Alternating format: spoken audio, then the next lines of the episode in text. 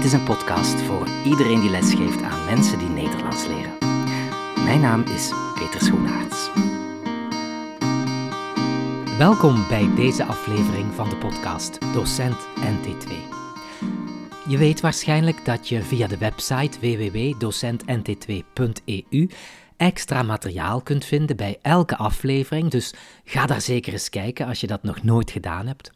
Je mag ook steeds reageren op de afleveringen en dat kan bijvoorbeeld via de Facebookpagina Docent NT2. En ik heb de afgelopen maanden heel veel reacties en vragen gehad over grammatica. Moet je grammatica nu wel of niet expliciet aanbieden? Is het nuttig om met grammatica-regels aan de slag te gaan of net niet? En bij welke doelgroep? En ik dacht, laten we er eens een echte autoriteit bij halen. En dus nam ik contact op met Jan Hulstein, emeritus hoogleraar tweede taalverwerving aan de Universiteit van Amsterdam. In zijn lange loopbaan werkte hij ook bij onder andere de Vrije Universiteit en de Universiteit Leiden. Jan Hulstein deed onderzoek naar en specialiseerde zich in tweede taalverwerving en taalvaardigheid. En hij heeft heel wat interessants te vertellen over grammatica. Ik spreek hem op zijn kamer in het PC Hoofdhuis in Amsterdam.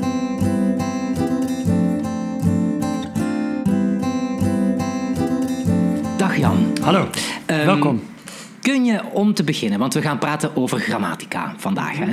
Kun je om te beginnen misschien eens vertellen wat je, wat je zelf gestudeerd hebt en waarin je je vervolgens bent gaan specialiseren? Ja, ik ben eerst Nederlandse taal en letterkunde gaan studeren. En eh, dat was een paar jaar en dan kon je een bovenbouwstudie kiezen. En Dat was algemene taalwetenschap. En daar heb ik twee bijvakken bij gedaan. Eh, taalpsychologie, psycholinguïstiek en het andere was toegepaste taalwetenschap. Ik eh, rolde min of meer in het lesgeven Nederlands aan buitenlanders. En daar werd ik ook voor gevraagd. En toen heb ik dat als studentassistent eerst gedaan. Ik was dus nog niet eh, afgestudeerd.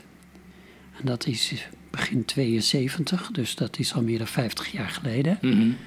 Uh, daarvoor had ik in de Amsterdamse haven bij uh, Turkse en Marokkaanse gastarbeiders had ik wel wat les gegeven. Maar dus bij de, ik zat bij de Vrije Universiteit in Amsterdam. Daar studeerde ik en daar werd ik ook gevraagd als studentassistent uh, Nederlandse les te geven. Ja, en als je dan die Nederlandse les geeft, dan raak je vanzelf geïnteresseerd in dingen van hoe kan dat nou, hoe zit dat nou. Uh, dus daar ging ik ook een scriptie over schrijven en later uh, ben ik daar natuurlijk in het onderzoek ook verder mee gegaan. Ja, um, laten we het over de grammatica hebben. Um, mogen we stellen dat grammatica-onderwijs dat dat eigenlijk zo oud is als het taalonderwijs zelf? Ja en nee. Um, in 1971 verscheen er in Amerika een boek van een meneer Louis Kelly. En dat heet, heette 25 Centuries of Language Teaching. Nou, 20, 25 eeuwen, dat is nogal wat. Ja, dat is 500 jaar voor Christus hè, dat het begon dan. Juist. en uh, als het dan gaat bijvoorbeeld in de middeleeuwen om de klassieke talen, dat zijn dus niet gesproken talen, dan heb je natuurlijk gauw dat er uh, met een zogenaamde grammatica-vertaalmethode veel grammatica gegeven werd. Maar hij zegt ook in het boek dat je eigenlijk altijd, zeker sinds 1500, uh, naast elkaar wel hebt gehad mensen die zeiden dat moet volgens een mondelinge, natuurlijke methode zonder grammatica veel luisteren en spreken. En dan had je daarnaast natuurlijk de mensen die het wilden doen met de schrijftaal en met behulp van de grammatica vertalen, was dan een belangrijk. Ja, omdat je ook waarschijnlijk in die oude talen, Latijn of Grieks, daar spreken we over, denk ik. Hè? Dat je ja, daar maar ook, ook over de moderne levende taal. Ook over dus de levende taal. Een, een, een, Nederlander of Vlaming die naar Italië wil en die Italiaans wil leren. Hè? Ja. Dus dan had je naast elkaar zo'n natuurlijke, in, directe methode heette dat, of uh, zo'n indirecte methode. Het, ja, het is wel gek dat eigenlijk al in de middeleeuwen ook mensen dan dat mondelingen heel belangrijk vonden. Hè? Het lijkt zoiets van de voorbije Waarom gek? Decennia. Ik bedoel, als je wil kunnen praten met de, met de mensen, met de buren, zal ik maar zeggen. Hè? Dus met de mensen die een andere taal spreken. En er was natuurlijk in Nederland en Vlaanderen, was, hè, zeker in de vanaf de 1400 was ontzettend levendig uh, gedoe van, van mensen die heen en weer reisden. Je had veel handelscontacten. Veel handel en, zo. Maar, maar, hoe leerden de mensen dat? Want ze gingen daar niet voor naar een school? Of? Nou, het, nou waarom niet? Ja, je, je, kon wel... Uh, ja, goed, veel mensen konden natuurlijk ook niet lezen en schrijven. Dus dan moest je wel volgens ja. die meer mondelingen. Maar er zijn boekjes... Uh, bij antiquariaten nog te krijgen. Met, met, eh, met, Italiaanse uitdrukkingen, weet je wel. Mhm. Die kan je proberen uit je hoofd te leren. Ja, mhm. ja. Mhm. Maar het heeft dus door de eeuwen heen gewisseld. Met soms toen het onderwijs, uh, algemeen onderwijs verplicht werd. Iedere, alle kinderen gingen naar school. Ja, dus dan hebben we het over eind 19e eeuw.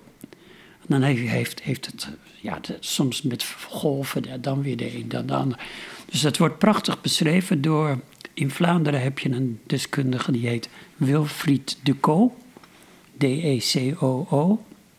Hij is nu emeritus hoogleraar in Antwerpen. Hij heeft een heleboel boeken over geschreven. En in Nederland heb je een boek van 2015. Ehm, dat is geschreven door Hans Hulshoff, Erik Kwakernaak en Frans Wilhelm. En het heet Geschiedenis van het talenonderwijs in Nederland onderwijs in de moderne talen van 1500 tot heden. Ja, dus oh, daar, als mensen daar interesse in hebben, dan moeten ze dat uh, daar opzoeken. Ik zal het linkje bij de, bij de podcastaflevering plaatsen. Um, dus eigenlijk die, die, dat heen en weer, van soms weer veel grammatica, soms weer weinig, eh, dan weer meer nadruk op het mondelingen, dat heeft altijd bestaan. Dat is niet iets van deze tijd. Nee. Ja, dat is heel interessant. Um, hoe nuttig is het eigenlijk om uh, grammatica te onderwijzen? Laten we nu spreken over deze tijd. Hè? Is, is grammatica ook, of onderwijs in grammatica ook afhankelijk van leeftijd, achtergrond, scholing? Of zeg jij, nee, het is altijd nuttig? Of wat is jouw kijk daarop? Nee, nee, nee. Dus dat, ik zou zeggen, het is afhankelijk van in de eerste plaats dus de uh, uh, kenmerken van de leerder, of de cursist of de leerling, hoe je het wil noemen. En dan denk je natuurlijk aan leeftijd, vooropleiding en ook moedertaal. En want om aan een Duitser of een Zweeds eh, persoon Nederlands uh, te onderwijzen is wel wat anders dan aan een Japaner natuurlijk. Ja. Uh, in de tweede plaats, wat is eigenlijk het doel van je NT2-onderwijs?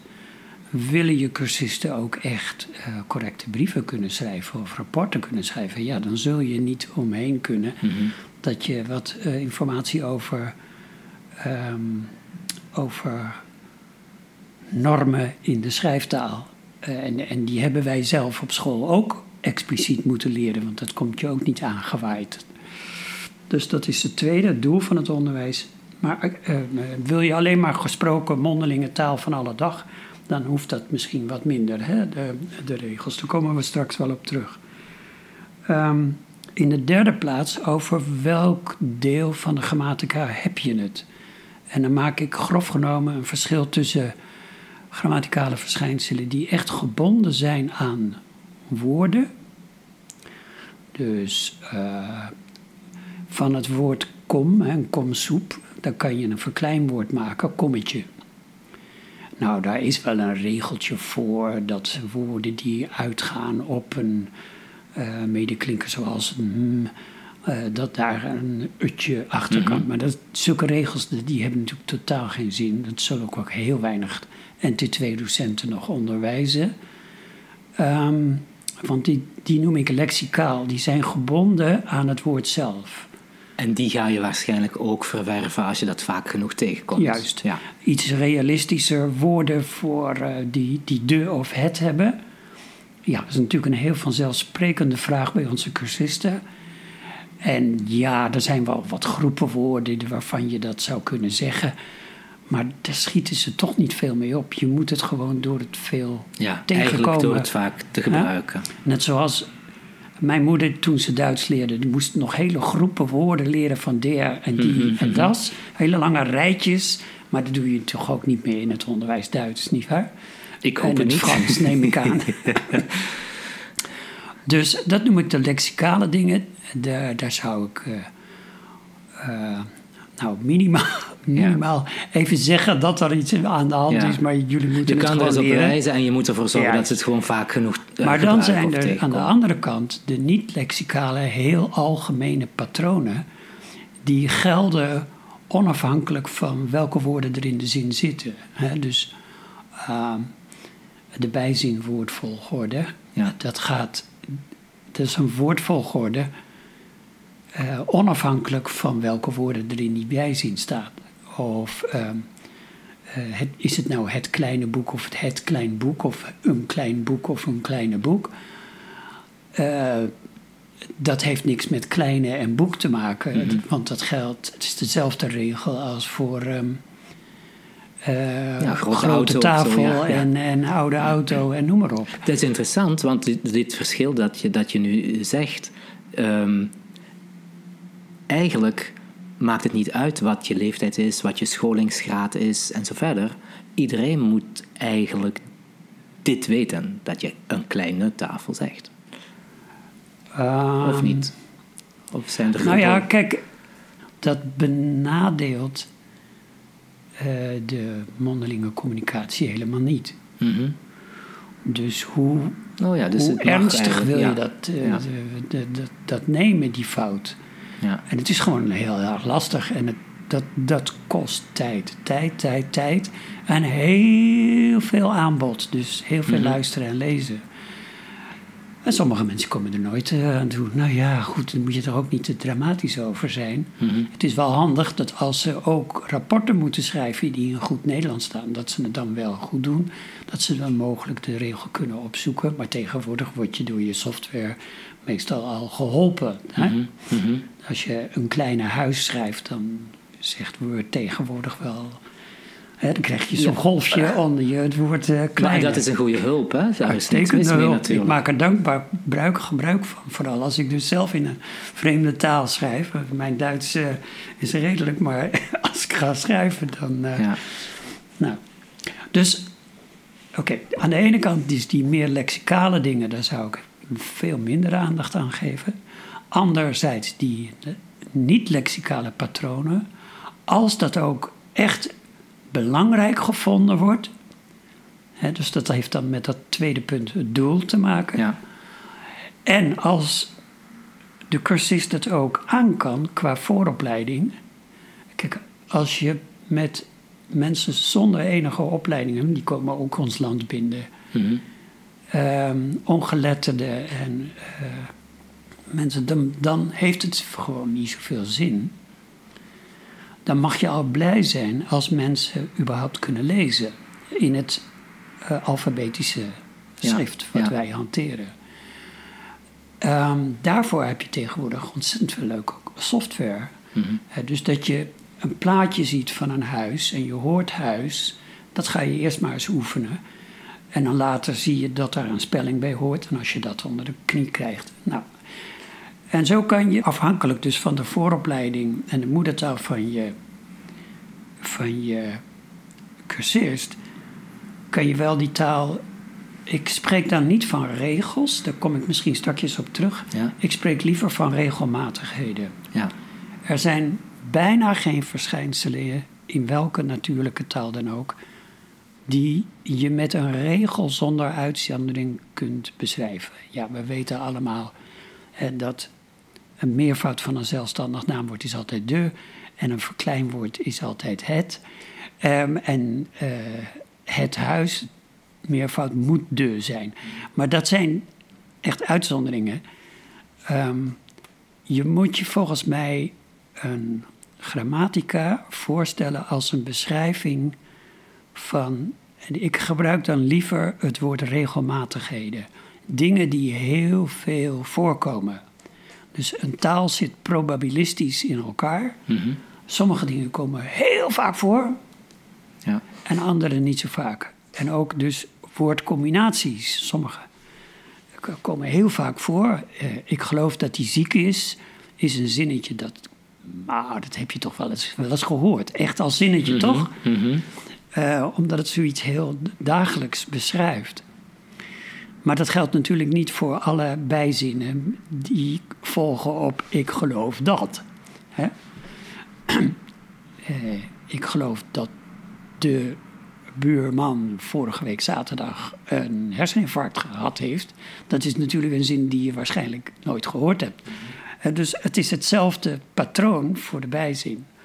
Dus, maar vooral die heel veel voorkomende, ik geloof dat hij ziek is, die moet je dus heel veel gehoord hebben en gelezen hebben. Daarom vind ik dat als je taalregels of regelmatigheden visueel aanbiedt, laat het daar niet bij. Want geloof niet dat wij in ons hoofd bliksemsnel regels toepassen. Dat doen ook moedertaalsprekers niet. En 30 jaar geleden dacht ik nog, ja, je hebt een grammatica in je hoofd, ook moedertaalsprekers. Ja.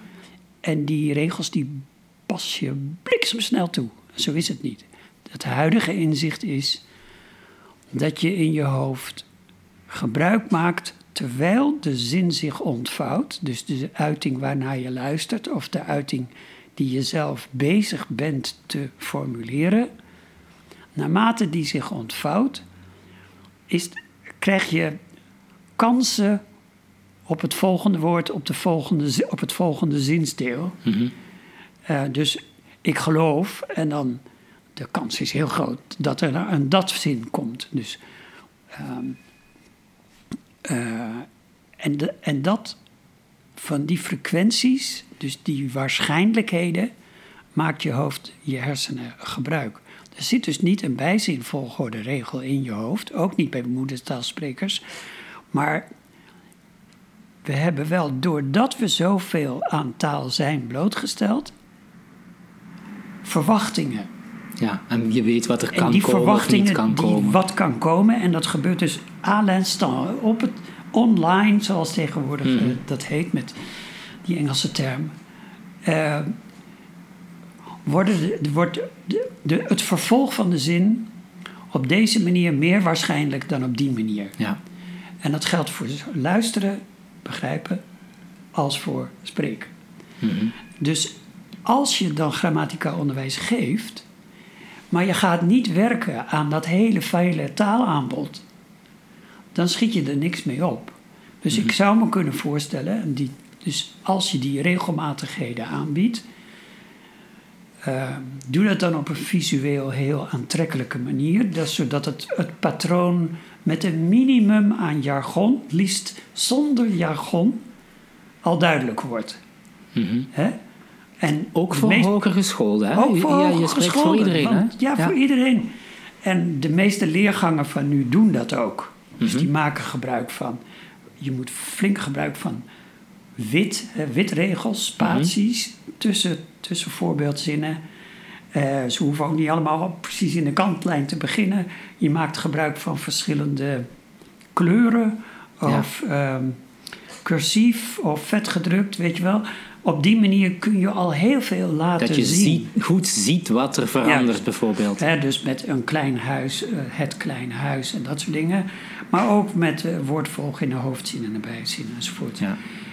Dus alles wat je kunt doen zonder dat jargon erbij, het woord hoofdzin. Ja, het traditionele. Want kijk, ehm, alle moedertaalsprekers leren die, alledaagse taal waarmee ik begon, en die leren ze allemaal. Daar hoef je dus niet slim voor te zijn. Ook niet zo intelligente mensen, mm mits ze maar voldoende aanbod hebben, zullen die, die gewone dagelijkse taal uh, leren. Misschien niet in hetzelfde tempo allemaal, maar ze leren het wel. En dat leer je dus zonder al dat jargon.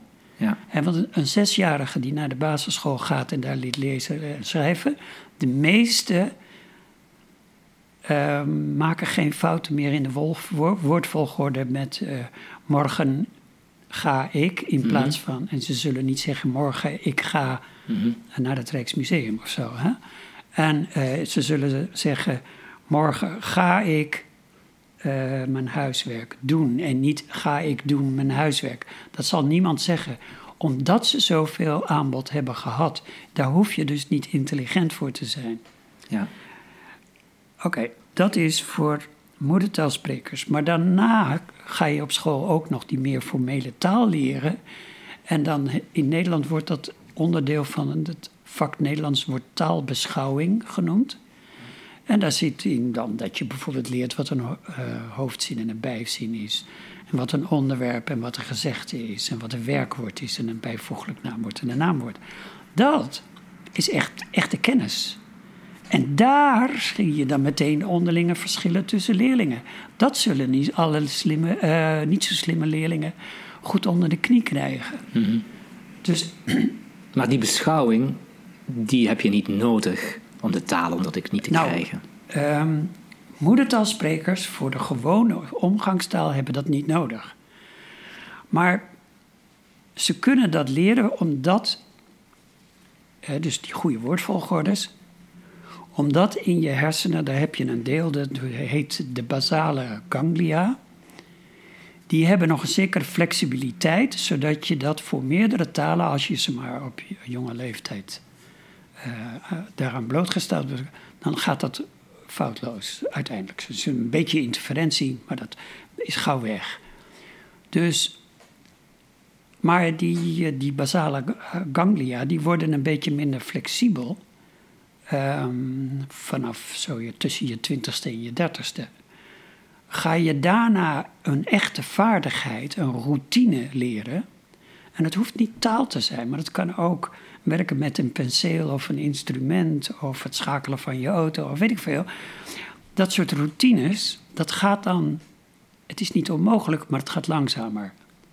En bij talen heb je dan nog dat de routines die je in je moedertaal of in je moedertalen hè, van vroeger, van je jeugd geleerd hebt, die kunnen dan gaan interfereren, dat hebben we weten we allemaal, met de routines die je moet leren in de tweede taal. Dus een Fransman die uh, Nederlands leert, zal geneigd zijn in eerste instantie dan toch te zeggen: uh, morgen ik ga en niet morgen ga ik. Ja, en dat heeft met zijn eigen moedertaal te maken natuurlijk. Juist. Ja. En dan moet je iets gaan doen. Ik bedoel, dan ga je niet tegen de cursisten als docent zeggen van... nou, zoek het maar uit. Nee, dan, dan bied je dat patroon wel aan. Liefst zo sterk mogelijk visueel, met liefst zo min mogelijk jargon zodat ook de minder intelligente mensen dat gewoon zien. En dan maar heel veel input. Ja. Luisteren, luisteren, luisteren. Dan hopelijk komen ze daar overheen. Maar, overheen. maar er zijn mensen die zullen dat de rest van hun leven blijven zeggen. Morgen ik ga. Mhm. En uh, ik geloof dat hij is ziek. Ja, wat op zich geen probleem is als ze dat in het gewone leven communicatief helemaal geen probleem nodig hebben. Mag ik heel even terugkomen op iets wat je gezegd hebt daar straks? Je zei dat je alleen moet aanbieden wat echt belangrijk is. Maar ik denk dat heel vaak mensen dan aanbieden wat zij belangrijk vinden. Maar het moet natuurlijk vanuit het standpunt van de cursist gezien worden, toch? Nou ja, kijk, als je, dan heb ik weer bij dat doel. Als het doel is de gewone spreektaal, daar zit al ontzettend veel in. Maar we hebben, zoals ik net zei, dingen die vaker voorkomen en mensen, dingen die niet zo vaak voorkomen.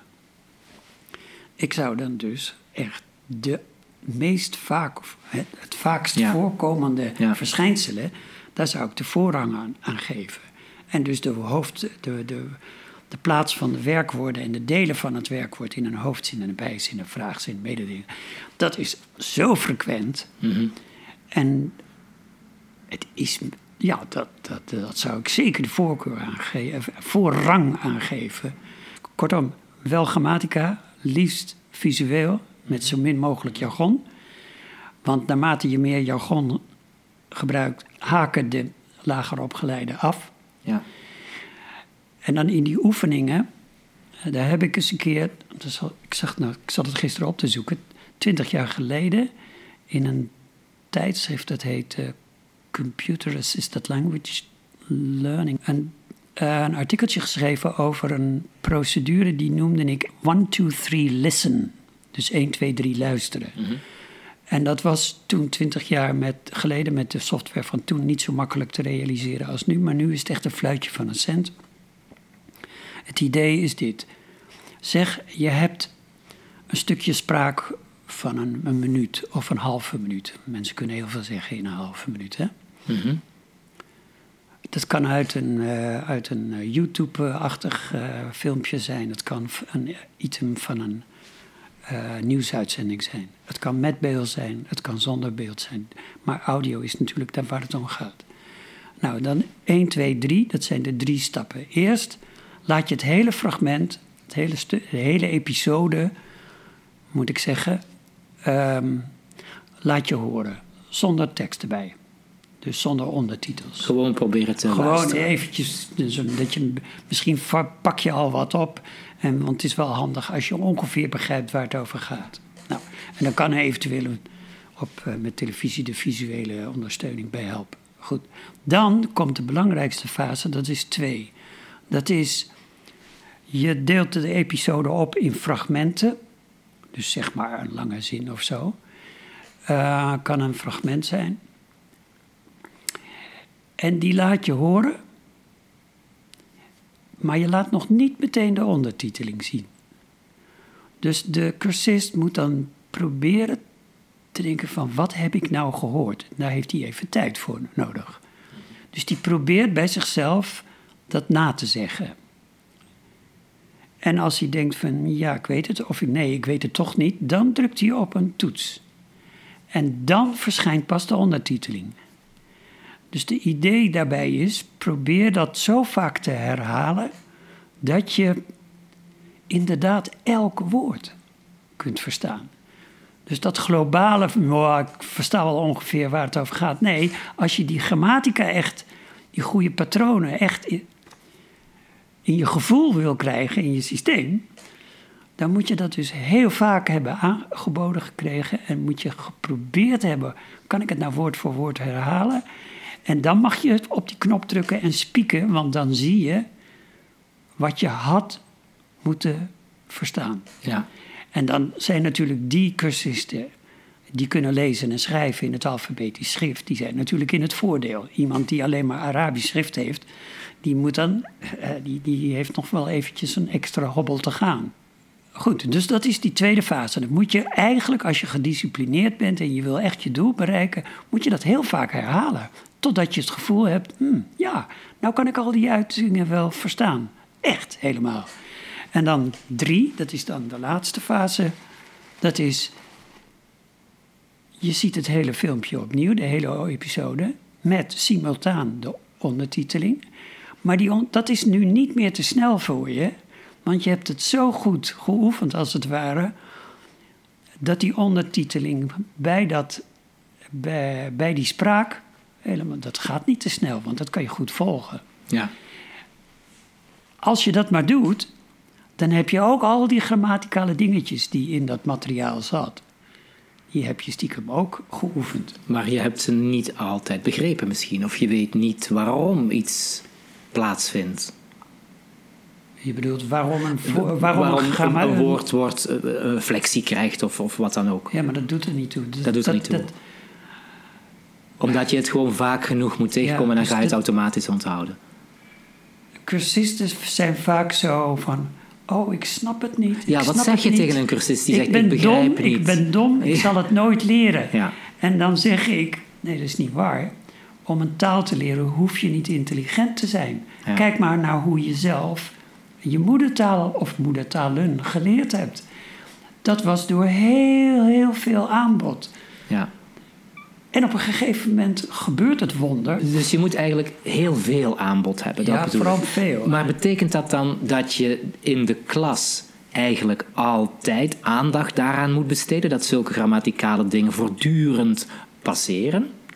Of niet? En Nou, maar als je de nadruk legt op verstaan en echt woord voor woord verstaan, dan hoef je het woord grammatica niet eens te gebruiken. Maar denk je dat ehm, bijvoorbeeld in een intensieve cursus, hè, je volgt zes weken intensief Nederlands elke dag een aantal uren, dat het daar wel nuttig is om met expliciete uitleg over grammatica te komen, omdat er weinig tijd is om in de klas heel veel te herhalen? En de Jawel, cursus dus- moet het dan thuis doen? En, en je, kijk, we hebben te maken met volwassen mensen. En als die zeggen ik wil het, ja, dan moet je wel respect voor hebben. Dus dan kun je zeggen, hier, alsjeblieft. Ja. Hier zijn ze. Liefst zoveel mogelijk in visuele Ja. diagrammen, met zo min mogelijk jargon. Maar je moet er meteen aan toevoegen. Denk niet dat als je dat nou niet snapt, dat je dan die taal niet zou kunnen leren. Mhm. het, het echte leren zit door het heel, heel, heel veel luisteren. En voor, voor- bijvoorbeeld met die 1, 2, 3 luistermethode, vooral die tweede fase van luisteren, nog een keer, nog een keer, nog een keer, en dan op de knop drukken, dan zie je wat je had moeten verstaan. Ja. Da- daar leer je veel meer van Ja. dan, nogmaals, er zit geen grammatica in je hoofd. Dus je kunt die grammatica ook niet automatisch toepassen. Dat is het, het gaat puur probabilistisch. Vind je het dan nog nuttig in deze tijd dat bijvoorbeeld cursisten ehm, grammatica-oefeningen krijgen, waarbij ze dus hè, tien zinnen krijgen die ze op dezelfde manier, ik zeg maar wat, hè, negatief moeten maken of Ja. wat dan ook. Is dat nuttig om een regel in te oefenen of ook weer niet? Of ligt het ook weer aan de soort Ja, cursist? kijk, ik eh, vind het zo... Je moet oppassen met te zeggen van... Dat is niet goed, dat is verboden, dat raad ik helemaal niet. Dat klinkt ook weer zo schoolmeesterachtig. Maar jij zou het niet doen. Jij zou Ik- niet zeggen, we gaan zou nu tien niet veel van verwachten. Zeker met, je noemt nou de negatie. Ja, Dat, hè, als je kijkt, naar, dat is dus verd- echt heel lastig Mhm. om dat goed te beschrijven. En het risico is dat mensen dat, al gauw niet meer snappen. Het Mhm. woordje R dan, hè, met verschillende soorten R. We weten het allemaal als N2-docent. Dus het, het risico is dat onze cursisten alleen maar in paniek raken. en, dat, en je moet je ze juist vertrouwen geven. Je Ja. moet zeggen, kom op, je kunt heel veel leren... door gewoon goed te luisteren, te controleren aan de hand van de tekst daarna... of je het echt verstaan hebt. En dan is heel veel van die grammatica op zijn hoogst eventjes een tussenstadium. Weet Ja. jij nog allerlei grammatica-regels van het Frans en Engels? Nee, terwijl- en van het Duits al helemaal niet, maar die ben je godzijdank vergeten, Ja. doordat je die talen veel gebruikt Ja. hebt. En zo moet je het zien. Ja. Ik ben het ermee eens, maar ik denk dat er nog heel vaak expliciet met grammatica wordt gewerkt. Het is, dat kan je, zie je ook op, op Nederlands, eh, eh, het voortgezet onderwijs. Dat ken ik beter dan in, het, in Vlaanderen. Eh, de leraren Frans, Duits, Engels en tegenwoordig heb je ze ook voor Spaans, Italiaans en Russisch en Chinees. Chinees, hè? ja. Ze geloven nog allemaal in die, in die, in die grammatica.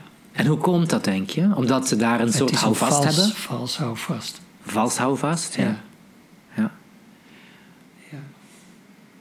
Want je kan natuurlijk inderdaad, als je zegt dit zijn de regels en we maken een oefening en daarna gaan we die controleren, je kan heel makkelijk een cijfer geven. Hè? Je hebt acht zinnen van de tien juist, maar volgens jou helpt het helemaal niet om die taal goed te, Nou ja, goed te kijk, leren. als het gaat om wat ik de, in het begin zei, wat is het doel van je. Ja. Kijk, als we spelling onderwijzen, ja, dan moet je natuurlijk zulke. Moet je dat doen? Dan moet dat wel expliciet. Zo leren, leren moedertaalsprekers het ook op school. Er is geen andere manier. En ja, te leren dat als je een, eh, een brief schrijft, dat eh, zinnen over het algemeen. Hè, een brief bestaat uit zinnen en die beginnen met een hoofdletter en met een punt. En die moeten eh, allemaal een, een persoonsvorm hebben, wat een heleboel leerlingen vaak overslaan en zo. Als je, daar zit een, stuk, een stukje formele eigenschappen van taal. En die treden met name op de voorgrond als je gaat schrijven. Ja, en dan moet je daar aandacht aan geven. Dan kom je daar niet omheen. Daarom vind ik het nuttig om het verschil te maken tussen die gewone spreektaal en de meer formele schrijftaal. Ja, dat heeft ook te maken met welk beroep bijvoorbeeld een cursist heeft. Hè? Ja. Zeg, wat mij nu interesseert, want ik vind allemaal heel interessante inzichten. Zie jij, eh, of heb je ideeën over hoe, de, hoe talenonderwijs de komende jaren zou kunnen of moeten evolueren? Nou, er hoeft volgens mij niet zoveel te evolueren. Als we nou maar goed begrijpen dat. Ik vind het verschil maken tussen die gewone alledaagse taal, waar alle kinderen, nou ja, niet de kinderen met een, een taalstoornis, hè, tot een jaar of zes, die leren het allemaal. Ze zijn niet allemaal even slim, maar ze leren het wel allemaal. En daarvoor hoef je dus niet slim te zijn. Het is puur en alleen het bombardement, zal ik maar zeggen, van het taalaanbod, waardoor die hersenen dat vanzelf gaan verwerf, verwerken Ja. op basis van verschijnselen die vaak va- voorkomen. En dat vind ik eigenlijk het mooie ervan. Want ik ben blij als ik kan zeggen: jongens, jullie hoeven helemaal niet slim te zijn om taal te leren. Ook niet op oudere leeftijd. Ja, je hebt de pech dat het in die basalia eh, ganglia een beetje stroef geworden is allemaal. Maar eh, doe je best met heel, heel, heel veel taalaanbod. Goed luisteren naar wat je had moeten verstaan. En dan kan je verrekt ver, ver komen. Ja. En of dat nou nog. Kijk, zolang die breinen van ons niet, zich niet zo supersnel veranderen. en dat, die evolutie gaat niet zo hard. denk ik dat er over 50 jaar niet veel meer te vertellen is dan nu. Tenzij, ja, intussen weten we natuurlijk iets meer over waar wat gebeurt in het brein. Maar ik denk dat voor de praktijk. Ik heb een stukje geschreven in, nou, 2009 of zo. Over taalonderwijs over 50 jaar. En daar heb ik geschreven, nou, ik denk dat we over 50 jaar ongeveer hetzelfde brein hebben. Ja. en dat je dus gewoon, net zoals nu, hartstikke veel moet luisteren. Eh, en als je de zegen hebt van dat je het taal ook kunt lezen. Nou, gebruik dan die mogelijkheid om te controleren of je verstaat wat je had moeten verstaan. En daar is die grammatica dan, speelt daar een ondergeschikte rol bij. Ik vond het een heel fijn gesprek. Heel interessant ook. Als ik het mag samenvatten in één zin, dan zou ik zeggen: ehm, grammatica ja, maar. En je hoeft er niet intelligent voor te zijn. Absoluut niet. Jan Hulstein, heel erg bedankt Ja, voor met dit groot gesprek. plezier gedaan. Je hoort, ik ben nog eh, ook. eh, ja, ik ben dus waarschijnlijk 53 jaar geleden begonnen met lesgeven. Wauw. Dus ik stond, ik, moest bij de voorbereiding van het gesprek er eens even over nagaan. Dus ik dacht, wow, dat is wat lang, maar eh, Ja. ja. ik, Maar ik ben blij dat ik, dat ik toch een klein stukje college Ja, ja, van u heb gekregen. Heel graag gedaan. En het is groot succes met je, met je podcastserie. Hè? Dat, dat wens ik je echt heel hartelijk toe. Dankjewel, dankjewel.